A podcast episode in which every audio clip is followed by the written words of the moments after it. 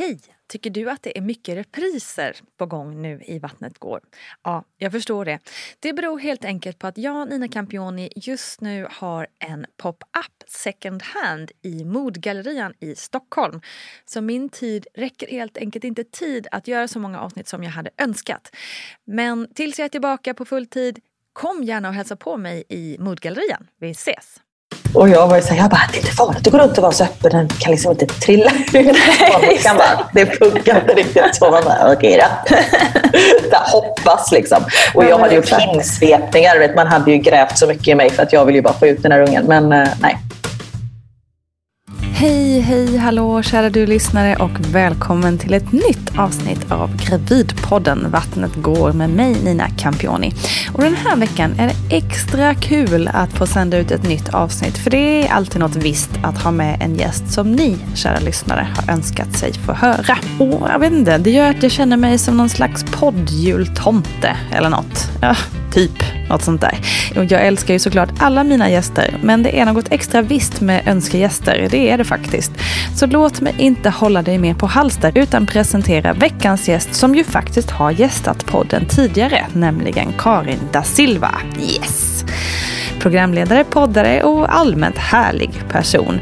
Och vill man ta det hela i rätt ordning så gör man det genom att lyssna på avsnitt nummer 17 först. Och sen så tar man det här. Men det funkar ju precis lika bra att göra tvärtom såklart, för den som gillar det. Hur som helst, här är Karin da Silva.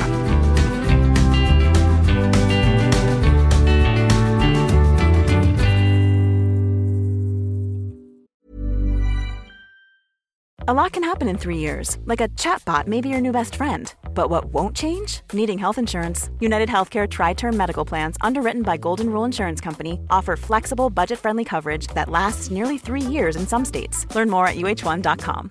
Hi, this is Bachelor Clues from Game of Roses, of course, and I want to talk about Club Med.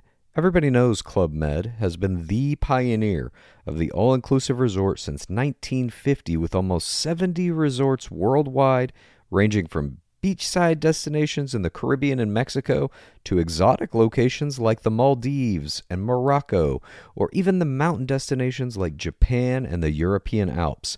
Dine on delicious gourmet cuisine, enjoy more than 20 activities, and make memories with your family. For more information, visit clubmed.us or call 1 800 Club Med or your travel advisor. As humans, we're naturally driven by the search for better. But when it comes to hiring, the best way to search for a candidate isn't to search at all. Don't search, match with Indeed. When I was looking to hire someone, it was so slow and overwhelming. I wish I had used Indeed. If you need to hire, you need Indeed. Indeed is your matching and hiring platform with over 350 million global monthly visitors, according to Indeed data, and a matching engine that helps you find quality candidates fast. Ditch the busy work. Use Indeed for scheduling, screening, and messaging so you can connect with candidates faster. And Indeed doesn't just help you hire faster. 93% of employers agree Indeed delivers the highest quality matches compared to other job sites, according to a recent Indeed survey. And listeners of this show will get a $75 sponsored job credit to get your jobs more visibility at Indeed.com slash podcast. That's Indeed.com slash podcast. Terms and conditions apply. Vad pysslar du med mest just nu? Just nu sysslar jag mest med eh, min podcast Mammasändningar med Vivi och Karin som mm. också handlar om föräldraskap och sånt där. Ehm, och om livet i allmänhet. Ehm, och sen så sysslar jag med mina sociala medier, min Instagram och min blogg som jag har på Må bra. Ehm, annars jobbar jag väldigt mycket som eh, konferencier och moderator men eh, det är ju inte så mycket sånt just nu. Eh, så ehm, jag håller mig på nätet. det är lättare att ses där. Ja, Men rent geografiskt, var befinner du dig just nu? Jag bor ju sedan ett år tillbaka i Belgien, lite utanför Bryssel. I en liten eh, stad som heter Waterloo. Waterloo till och med? Ja, precis. Slaget vid Waterloo. Ja, det känner man ju igen. Mm. Ja men spännande. Eh, det gör ju också att det, eftersom du dels flyttat och dels då såklart den här pandemin, att vi inte har setts på länge. Så jättekul att du är med här ja, i den här podden. Jag tänker att vi kör igång direkt. Mm. Och vi, som sagt, eftersom du har varit med tidigare så kommer vi nu i eh, det här avsnittet fokusera på din yngste son Max. Och vill man då höra hur det gick den första gången så kan man scrolla tillbaka i poddens historia till nummer, avsnitt nummer 17 helt enkelt. Mm. Så vi börjar lite i tankarna kring att skaffa ett syskon. Ja. Hur, hur gick det där? Vi var ju liksom så här, vi skulle ha två barn om det gick, man vet ju aldrig. Ehm, men och så började Theo han började växa och bli stor. Han var väl ja, med två och ett halvt. Så vi började så här snacka. Bara, fan, man vet ju inte. Det kanske går på första försöket för det. Vi blev ganska snabbt gravida med Theo. Um, eller så tar det flera år. Man, man har ju liksom ingen aning om det ens går. Um, och då har vi några vänner som... Våra första barn um, är födda med tre månaders skillnad. Mm. Och först Innan det så blev jag, jag var gravid en gång innan med Theo men fick missfall i vecka 13. Eh, och då hade vi till och med samma BF-dag. Aha, wow. eh, så det var verkligen så här vältajmat men sen så gick det inte hela vägen för oss den gången men så föddes mm. Theo tre månader senare. Eh, så vi, jag och Jenny då, så den här mamman heter, eller kvinnan, kompisen. Ehm, vi hade så här, vad fan, det vore ganska gött och liksom så här barn nummer två att vi kör, eh, att vi kör där samtidigt också om det går. Eh, så då hade vi börjat snacka lite och de började bli lite sugna och vi började bli lite sugna. Och så sa vi så här, vi bara, men vi kör efter nyår, jag tror att det var i december då. Så bara, men vi börjar i, november, i januari och börjar försöka. Eh, och Niklas var så här, fast om vi har bestämt oss för att försöka, ska vi inte bara köra nu direkt? Jag bara, okej. Okay. Du vet det bara blir så här verkligt allting, man bara, åh gud, shit vad spännande. Um, så då mail, eller messade jag min eh, kompis Jenny och skrev så här, imorgon åker spiralen ut. Och då fick jag bara tillbaka en femma. Så då var hon redan gravid Så vi tajmade in det den här gången också. ja, det är lite roligt. Snyggt jobbat. Ja, men tackar, tackar. uh, nej, men så då, uh, så då började vi försöka och det gick på första försöket den, den gången. Uh, och det sjuka var att jag kände liksom direkt att, eller inte direkt när vi eh, gjorde det, men ganska snabbt efteråt så här, men fan, jag tror att det där funkar. Du vet när man känner, mm. man känner i sin kropp att det är någonting. Eh, och jag tog fem graviditetstest och den femte visade positivt. De andra okay. var liksom, jag var för tidigt ute. Ah, ja, ja. Eh, och Niklas var så här, men det funkar väl inte den här gången. Vi bara testar, liksom, vi får försöka igen. Och jag bara, nej jag känner att det, blir, att det är någonting. Liksom.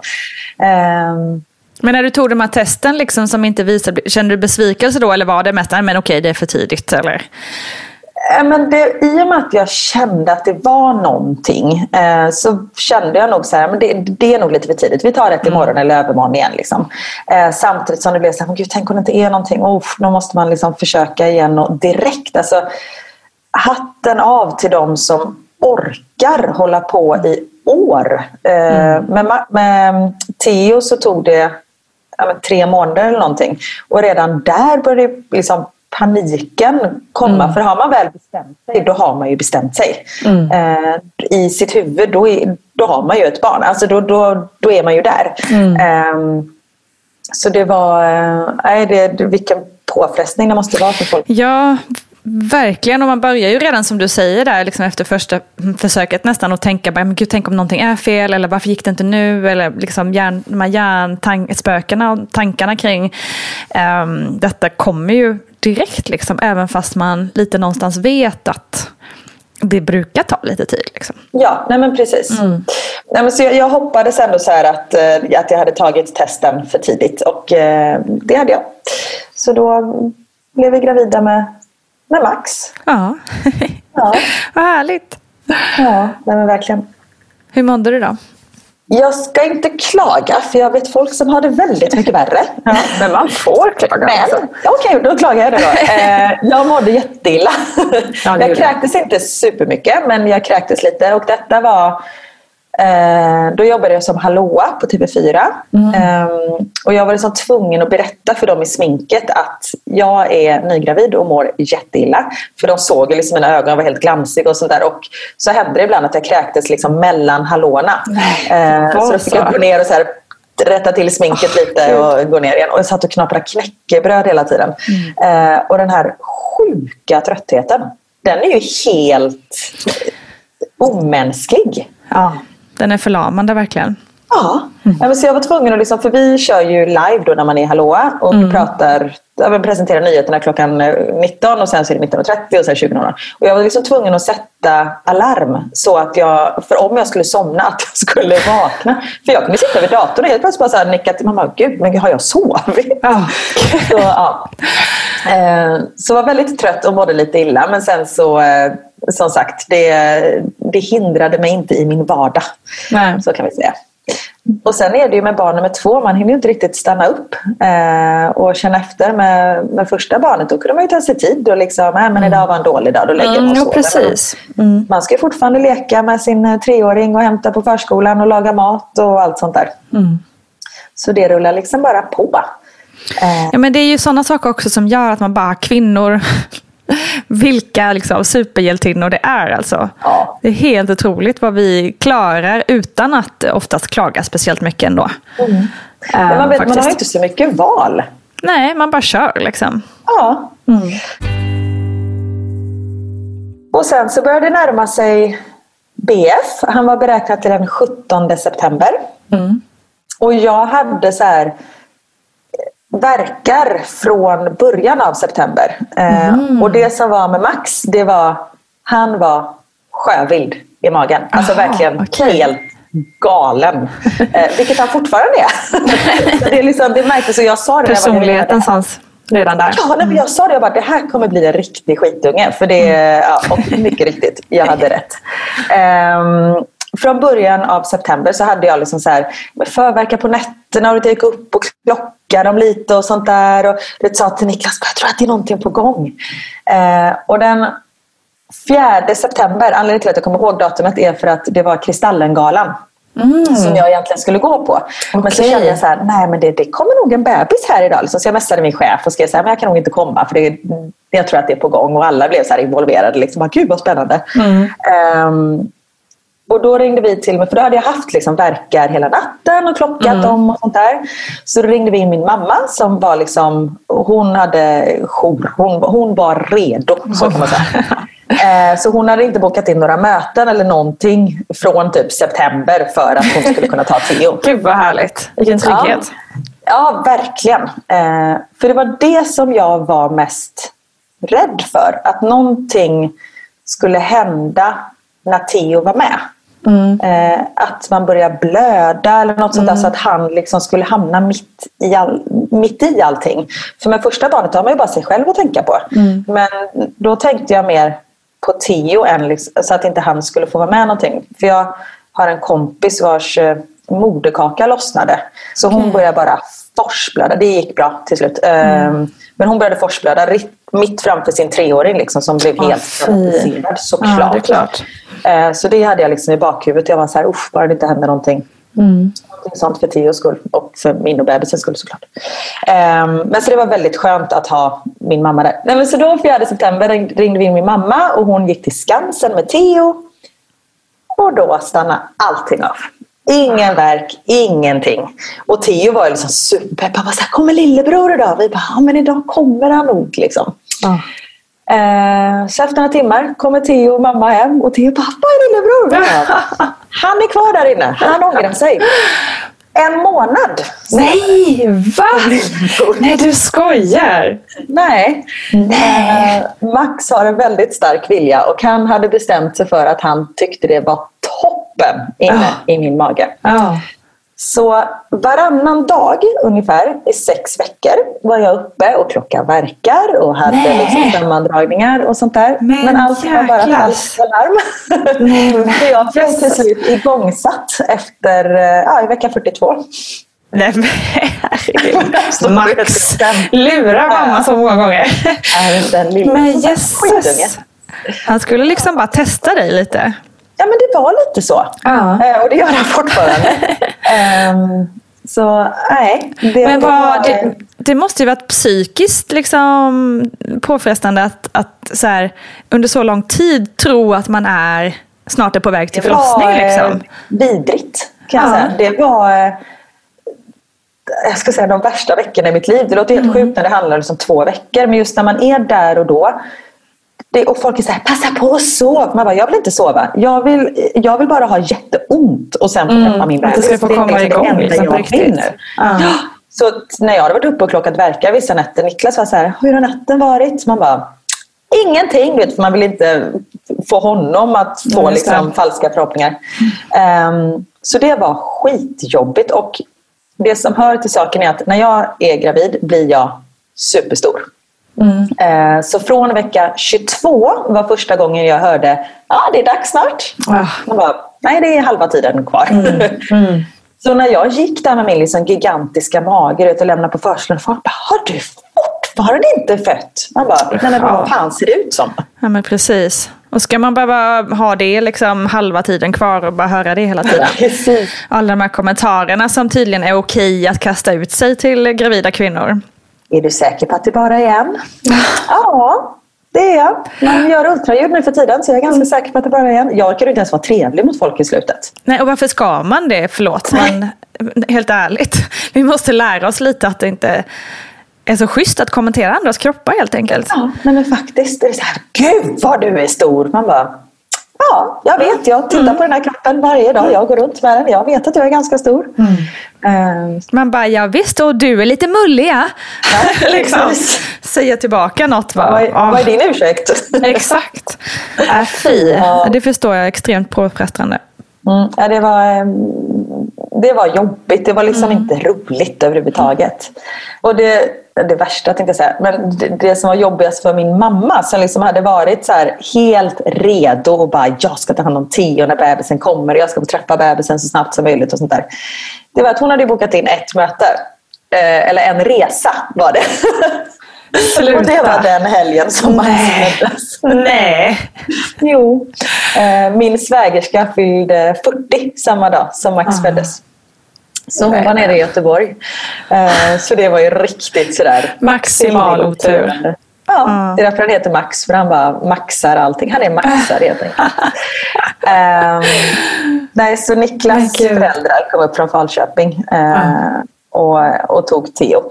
Och det var ju så här när man blir igångsatt, det var ju ganska smidigt på det sättet. att man visste ju så här, den här dagen ska det ske och, och så. Och Niklas pappa eh, har födelsedag eh, 2 oktober och Helene, då, min svägerska, hon år 3 oktober. Så vi visste att det skulle antagligen ske på någons födelsedag. Just det. Det blev den 3 oktober. Ja. Men, men hur kändes det då när du väl liksom fick en tid för igångsättning? Det känns så skönt. För alltså med Tio då hade jag gått runt med verkar och det, ja, om man lyssnar på avsnitt nummer 17 så hör man att vi hade en ganska lång och utdragen förlossning som till slut eh, avslutades i akut eh, kejsarsnitt. Men då hade man ju gått runt hemma med verkar och sånt där. Men nu var det liksom, ja, nej men då sätter vi oss i bilen och åker och föder lite barn då. Det kändes så märkligt. Så vi åkte in och var där klockan ett tror jag vi fick komma in. Eh, och jag hade ju varit öppen tre centimeter i fyra veckor. Så det var ju, men gud, min kropp var liksom relativt redo. Ja, verkligen. Och jag var ju såhär, jag bara, det är inte farligt att gå runt och vara så öppen, den kan liksom inte trilla ut. Bara, det funkar inte riktigt så. Man bara, okej då. Hoppas liksom. Och Ja, jag hade gjort vet, man hade ju grävt så mycket i mig för att jag ville ju bara få ut den här ungen. Men eh, nej.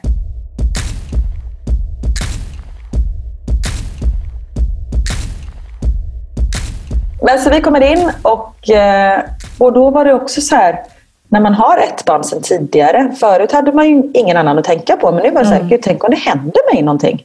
Det kanske är så här, du vet, när jag stod i hissen på väg ner till garaget och sagt hej då till Theo. Jag grät så mycket. Jag var helt förstörd. Eh, för jag var så här, tänk om någonting händer. Man, man har ju liksom ingen aning. Men eh, ja, inget hände, det gick bra. Men eh, det var liksom de känslorna hade jag inte riktigt tänkt på innan. Utan, eller jag hade väl tänkt på det men då verkligen det, gick upp för mig. Ehm, nej, men så vi åker in och jag blir undersökt och då hade jag ju läst på. Jag hade googlat. Ska man inte alltid göra. Eh, där det stod att i och med att jag hade blivit smittad innan så skulle man ta det lite lugnt med igångsättningen för man vill inte liksom utsätta eh, livmodern för för mycket eh, men för starka verkar i och med att den liksom har ett snitt på sig.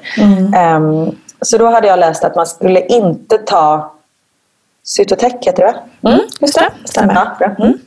Eh, skönt att prata med ett proffs för jag kan rätt slänga ut med någonting här. jag bara låter som att jag har någon aning, men det visste jag faktiskt. Nej, för det hade jag hört att det skulle man liksom inte ta. Mm. Eh, och, då kommer det, och det sa jag till, till Niklas också. Jag bara, kom ihåg att du får hjälpa mig liksom att stå på mig här. Att, det är det, att jag vill inte ha det. Mm. Eh, han bara, absolut. Och så kommer det in en läkare som var jag vet inte om hon var polsk eller rysk eller någonting. Det var riv i henne, så kan man säga. Hon undersökte mig och hon var så här, ja, nej, men eh, vi får sätta igång dig och jag tror att det är bäst med cytotec. Och jag bara, okej. Okay. Eh, jag har ju läst lite då. Hon bara, ja, jag antar att du har googlat som alla andra gör och att det är farligt och bla bla bla. bla. Jag bara, ja, ups. Um, hon bara, vi kan ju sätta in en ballong också och öppna upp den och du, du, du, du, så förklara alla olika metoder. Jag bara, nej okej, okay, ja. Och sen kom det in en sköterska och så liksom dubbelkollade jag det med henne och berättade mina, vad jag var orolig för och sånt där. Mm. Eh, och de lugnade ner mig och, och liksom vi, vi kom fram till att detta var ändå det bästa men att vi skulle ta det, jätte, uh, att vi skulle ta det långsamt och att vi verkligen inte skulle påskynda någonting. Uh, så klockan fyra får jag den första sån här shotten eller vad, mm. man ska säga, när man sprutar mm. in i munnen, första dosen. Och sen fick jag igen efter om det var två eller fyra timmar eller någonting. Mm. Uh, och jag kände absolut ingenting. Ingenting? Men jag öppnade mig. Jaha. Ja. Vad lyxigt. Mig, ja, fast. fast. så jag öppnade mig från 4 till 8 centimeter utan att känna någonting. Va? Och då, då frågade jag en sköterska, jag bara, när du väl sätter igång, ja. då kommer det gå från 0 till 100 va? Hon bara, jag tror nog att du ska vara ganska förberedd för det. Jag bara, ja. okej. Okay. Så jag tror att jag fick två doser och då hade jag liksom öppnat mig till 8 centimeter. Och klockan ett på natten så bestämde de sig för att eh, sätta en sån här grej på barnets huvud. Mm. Eh, Dior som, heter det. Ja, men som mäter hjärtfrekvensen och så. Precis, precis. Och då samtidigt så gick vattnet. Okej. Okay.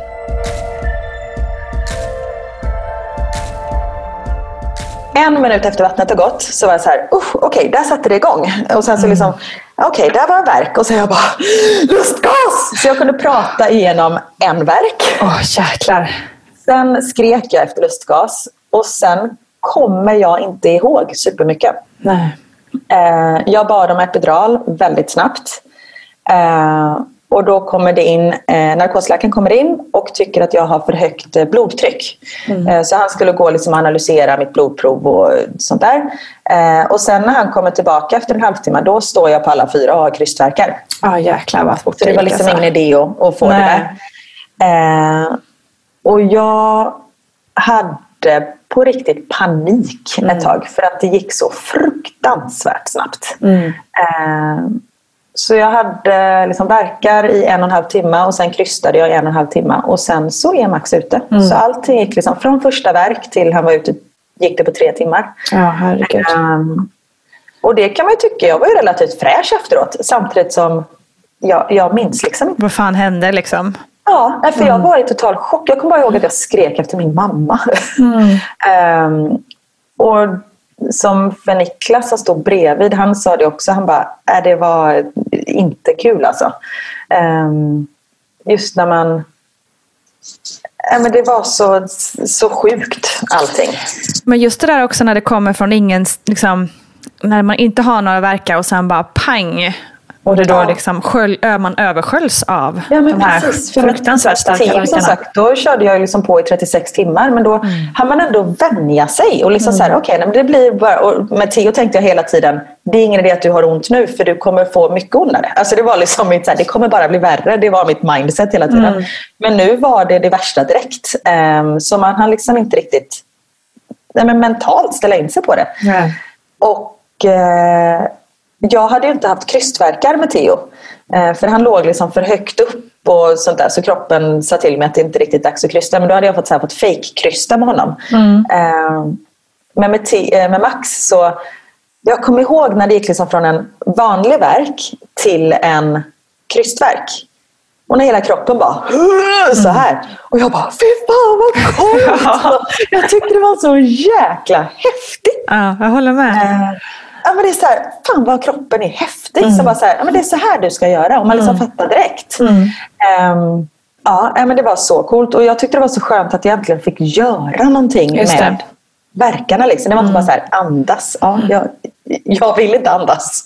Nej, men så det... Men tyckte du att smärtan var liksom densamma eller ändrades det karaktär liksom, när krystverkarna satte igång? Nej, men med, med de vanliga verkarna, då hade jag ont under verkarna. Eh, och sen var det liksom en liten paus emellan. Men jag hade otroligt eh, täta verkar. Så jag kommer, det var liksom så här, ja, men 30 sekunder mellan verkarna. Eh, och då hade jag mest bara ångest för att nästa verk skulle komma. Men jag hade Exakt. fortfarande inte ont. Och så det var det jag liksom tänkte på hela tiden. Bara, nu har du inte ont, nu har du inte ont, nu har du inte ont, nu har du inte ont. Och där började de få ont igen. Men med krystverkarna i och med att man hade någonting att göra när man hade liksom själva verken. Så då tyckte jag inte att det... Alltså det gör ju fortfarande hur ont som helst, men inte på samma sätt som när själva verken var. Däremot hade jag svinont emellan verkarna istället. Okej. Eh, för då var jag liksom bara så här, jag kommer ihåg att de skulle ändra ställning på mig och jag bara, ni får flytta på mig, jag kan inte röra mig. Så jag Så var något så här- bökigt liksom. Ja, men jag var någon typ av dött kreatur som fick liksom så här, rulla runt där. Ehm, och vi testade massa olika ställningar och sånt där. Eh, och det var någon gång de ville få ner mig på den här finska pallen, heter den va? Eh, och den hade jag suttit på med Theo och då hade jag börjat forsblöda. Eh, så då var det så här panik att jag tvungen upp i sängen och sånt där. Eh, så när de bara, vi tänkte att du skulle sitta på en pall. Jag bara, nej, ingen pall! det hade jag liksom bestämt mig för. att Det ska inte komma en jävla pall här, liksom, för jag hade sån dålig erfarenhet av den. Så de bara, okej. Ehm, och i mitt förlossningsbrev så hade jag skrivit, för jag kommer ju från en ganska så här, den hårda skolan i och med att jag har dansat hela mitt liv, haft ganska så här, hårda danslärare och det är inte så ofta man får beröm och sånt där. Utan jag är van att få liksom, klara, klara besked. Och, ja. Så jag hade skrivit i mitt förlossningsbrev så här, inget daltande. Så alla var ju så här jättebestämda med mig och sa, sa någonting. Eh, liksom sa, sa ingenting. Ehm, och så var det en sköterska som kom in och bara, vad duktig du är. Jag bara, ja det är jag faktiskt. Det är ingen som säger att jag är duktig. De bara, men du har skrivit att jag... Just det, det var ju därför. Så, Jag vill ja. bara ha en klapp på axeln snälla. Ja, Liksom. precis. Men det är alltså, jag skrivit att jag inte ville ha Ja, något. så Jag följde vad jag hade skrivit. Ja. Nästa gång då kommer det antagligen inte bli en trea. Men då jävlar, då ska jag bara skriva beröm mig hela Ja, tiden. exakt, gulla med mig. Ja.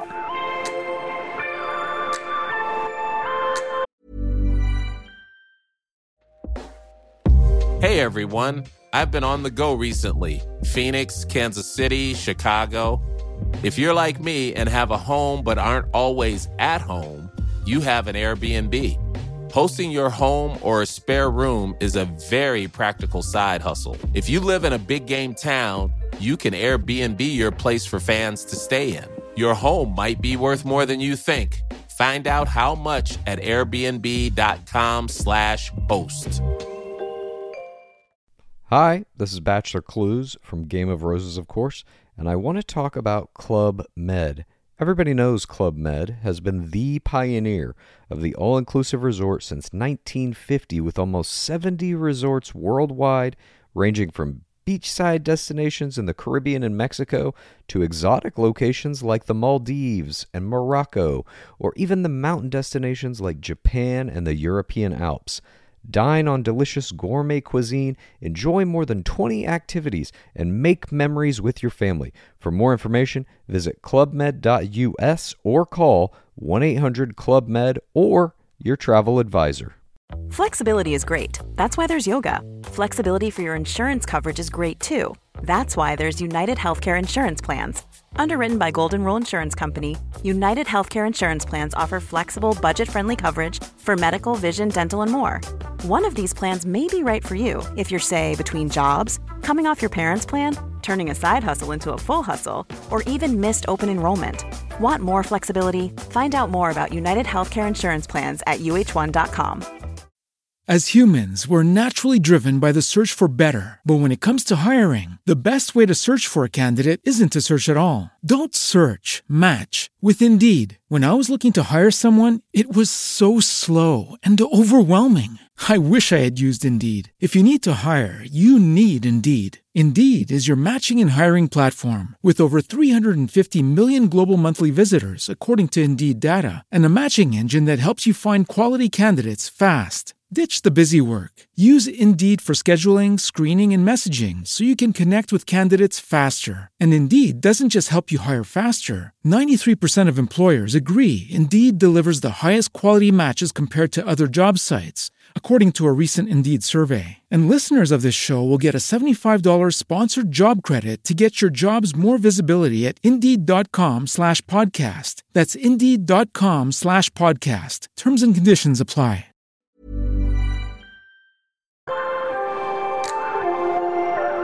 Och sen så kommer jag ihåg, jag låg på eh, sidan med ena benet upp liksom i de här byglarna som man Just knappar det, gynbyglarna.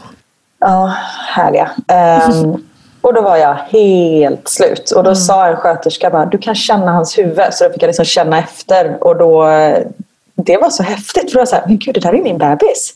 Ehm, så då var det, jag fick sån sjuk kraft från det.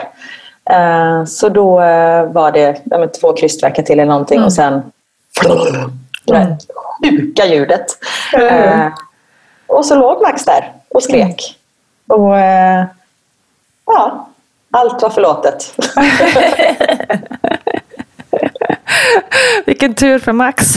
ja, verkligen. Ja, men hur kändes det då att få upp honom sen på bröstet då? Nej, men magiskt såklart. Eh, det första jag sa var han ser ut som en alien. För han var, han var så lång och smal och så verkligen som de här skrikande fågelungarna.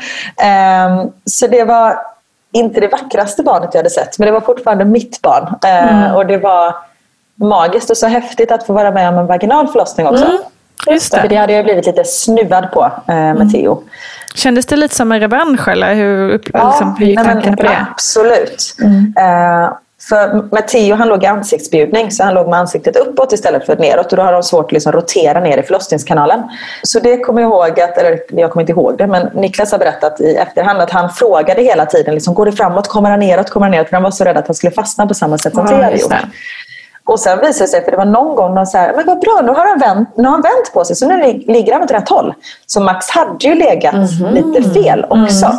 Eh, men som sagt, han vände på sig under förlossningen så då kan du förstå hur, hur vild han var liksom, i magen.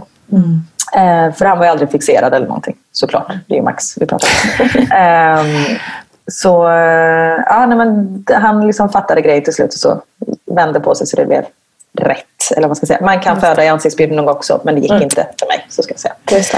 Ehm, så äh, men det var eh, så himla häftigt. Vad härligt.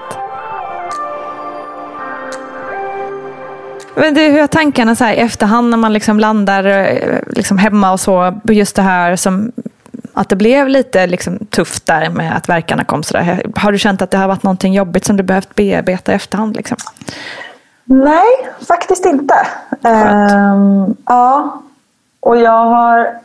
Så, jag kommer ju ihåg saker, absolut. Men ehm, det, är ganska blurrigt. Ehm, men efter jag hade läst liksom, förlossningsjournalen och sånt där så var jag så här, just det, det var ju och det var ju och det var ju. Och det var liksom absolut inget... ehm, det var traumatiskt för mig för att jag fick så ont så snabbt. Men det var liksom inga komplikationer eller något sånt där. Ehm, så det var ju väldigt skönt. Ehm, men, eh, nej, men när jag tänker tillbaka på det så tänker jag fortfarande att det var liksom en det var ingen fin förlossning, för det var ju bara... Ja, men eh, det- var en bra förlossning, så kan jag säga. Jag har liksom bra minnen från Ja, det. har skönt. tio, Så även om det slutade i snitt, eller liksom akutsnitt. ehm, så sen om jag hade fått välja så hade jag väl tagit något mellanting mellan båda förlossningarna. Kanske hålla på i tio timmar eller någonting. Så man har en liten, lite förberedelse. Så. Just det. Ehm, men eh, som sagt, ut kommer de ju oftast på ett eller annat sätt. Precis. Ehm, ja. Vad sa Theo sen då när han fick träffa lillebror? Nej, vi ringde på Facetime på morgonen, kommer jag ihåg. Och då liksom tittade han och var så här, åh gud. Eh, och sen kom de till sjukhuset eh, när Max var typ 12 timmar. Ehm, och då så gick han upp, vi har det filmat, och då går han upp och så räknar tårna och räknar fingrarna och så kallar dem för lill- lillebror. Och, ehm, Och sen så upptäcker han att vi har en fast telefon på rummet.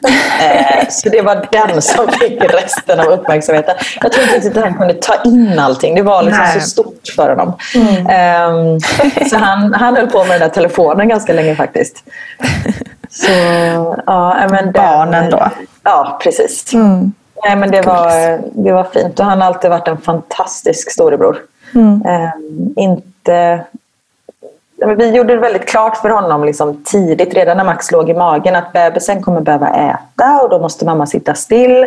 Eh, samtidigt som han har ju stått och ammat och stekt köttbullar och liksom mm. lego samtidigt också. Mm.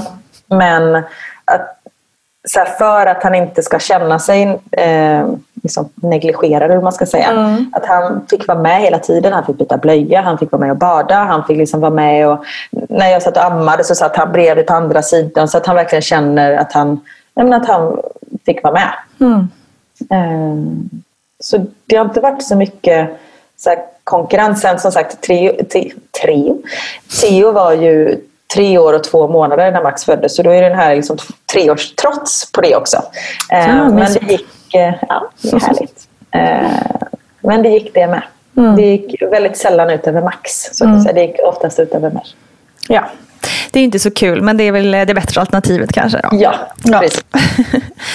men hur kände du annars liksom, omställningen? Det snackas ju ofta så här, eh, eh, i alla fall tyckte jag det, att man fick mycket så varningar om att ja, ja, men två vet du, det är en helt annan sak. Och, eh, ja, ja, du har bara haft ett barn du, vänta bara. Liksom, så. Eh, hur tyckte du att... Varför säger man så? Det är jättekonstigt. Var snäll istället. Alltså, seriöst, det är så konstigt. Bara, ja. Skrämma upp en liksom. Ja, det är ja. vidrigt. Ja. Um, Men hur tyckte du att det blev? Jag tycker faktiskt inte att det blev någon tvåbarnschock. Mm.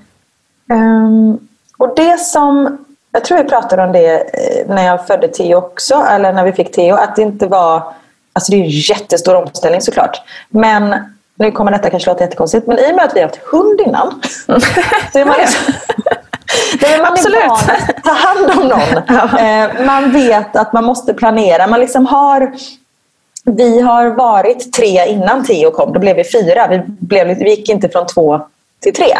Mm. Eh, och samma sak när Max föddes nu. att han lite som det är med barn nummer två, de hänger ju mest på. Mm. Eh, jag menar med Theo, vi kunde ligga i sängen fram till elva. Liksom. Med Max, man fick ju dra upp honom från sängen och för att man skulle lämna på förskolan och sådär. Um, men sen hör du till saken också att båda barnen uh, har varit väldigt nöjda bebisar. Mm. Ehm, de har ätit och de har sovit och de har bajsat. Sen är det klart att de får ryck också, självklart. Mm. Mm. Men vi har varit skonade från kolik och, och sånt och det hjälper ju väldigt mycket. Um, så Max, så länge han liksom får ligga och tugga på mig, uh, och då säger jag tugga. tugga. Han, fick ja, men han fick tänder när han var fyra månader så jag har fortfarande inget känsel i mitt högra bröst. Aj, aj, aj. Jag har ett till. Eh, Eh, så länge han liksom vill ligga och gnaga på mig på nätterna så var han tyst och resten av familjen sov. Liksom. Sen kanske inte jag sov så mycket men det, det kändes bara viktigt så länge, så länge eh, lillebror och storebror var nöjda. Och eh, ja, Niklas han sov ju igenom även om barnet skulle skrika. Men så det, det, har, det har hjälpt med den här mm. tvåbarnschocken. Eller man ska säga. Mm. Eh, och man var ju inne i det liksom i att man hade ett barn. Men sen förstår jag absolut den här känslan av att man inte räcker till. Äh, men de, liksom, det dåliga samvetet, det förstärks nu. För nu, då skulle man ju ge, eller nu ska man ju ge sin uppmärksamhet och kärlek till två barn. Mm, eh, som tur var, kärleken växer ju bara. Man får ju bara mer kärlek att dela med sig. Så det är inte så att man är tvungen att ge det ena barnet mindre kärlek för att det kommer en till. Utan det, det har ju bara liksom vuxit mm. på. Men eh, tiden och uppmärksamheten, den, den blir ju tyvärr inte dubbelt utan det får man ju dela upp. Ehm, men jag tycker ändå att det har eh, funkat. Mm. Mm. Skönt. Du, innan vi avslutar den här fantastiska berättelsen om Max och hur han kom till. Eh, har du något tips som du vill skicka med eh, lyssnarna och tittarna? Eller råd eller tanke eller något? Nej, men att man inte ska ställa in sig på någonting. Att så här, planera sin förlossning i minsta detalj. För det blir aldrig som man tänkt sig. Eh, man har liksom, vissa saker kan man inte bestämma över. Och ens förlossning är en sån sak. Mm. Om man inte har planerat snitt, det kanske man kan planera lite över. Men eh, det är en sån sak. Och just att man inte har någon aning om vad ens bebis har för behov och vad det är för bebis man får. Eh, jag menar som Theo, han tog både flaska och han ammade och han tog napp och han hade snuttefilt. Max, det var bara jag som gällde. Mm. Eh, och jag började jobba när han var fyra månader så han har ju följt med mig på jobb. Jag har ju stått liksom i direktsänt eh, hallå och typ ammat samtidigt. Nej, men just att man ska ställa in sig på någonting för man mm. har ingen aning. Man ska bara ta dag för dag. Och om man vill ha råd då ska man fråga om det. Man ska inte ta emot eh, oönskade råd, eller vad säger man, råd som man inte har frågat mm. efter. Och folk säger väldigt mycket. Um, men det är nog bara för att man vill vara snäll och hjälpa till. Men just också att man har i åtanke att alla barn är olika, alla föräldrar är olika. Uh, vi fungerar på olika sätt, vi har olika behov. Um, så bara för att det funkade för deras barn så kanske inte det alls funkar för ditt barn. Och det betyder inte att någonting är fel. Det. Utan det är bara så det är. Mm. Jag berättade att Max föddes på min svägerskas födelsedag. Mm. Och hon vaknar upp mitt i natten och eh, så här, fan borde det inte så här vara på gång? För vi hade haft sms-kontakt med hela familjen. Liksom så här, men nu har vi fått andra doser och bla bla bla. Och sen så hade mess, Niklas messat vid ett-tiden så här, nu, nu har det satt igång. Och sen hörde de ingenting mer från oss. Mm. Um, så hon hade gått och lagt sig på natten och sen vaknat mitt i natten och bara så här, undrar hur det går. Uh, så hon messade oss, hur går det? Hon skickade smset 0408. Max är född 0408 och de har samma födelsedag. Jag fick rysningar på ryggen. visst är det coolt? Vad häftigt! Shit. Visst är det häftigt? Ja, de har samma födelsedag också, så ja. de har ett speciellt band de två. Ja, coolt! Mm. Stjärnorna stod rätt där plötsligt. Ja, men verkligen. Gud vad häftigt. Ja, det var en härlig, härlig avslutning kände jag. Ja. Perfekt. Tack snälla Karin da Silva för att du ville vara med och berätta om den här fantastiska graviditeten och förlossningen. Ja, den eh, långa. Den långa Tack, tack, tack kära Karin da Silva. Ständigt glatt att få prata med dig. Missa inte att Karin snart också kommer att gästa Barnet Går och prata mer om det här med att flytta utomlands med sina kids. Och som sagt, avsnitt nummer 17, där har du Karin da Silvas första förlossning och graviditet. Mycket spännande hörni. Ta hand om er alla. Vi hörs snart igen. Stor kram!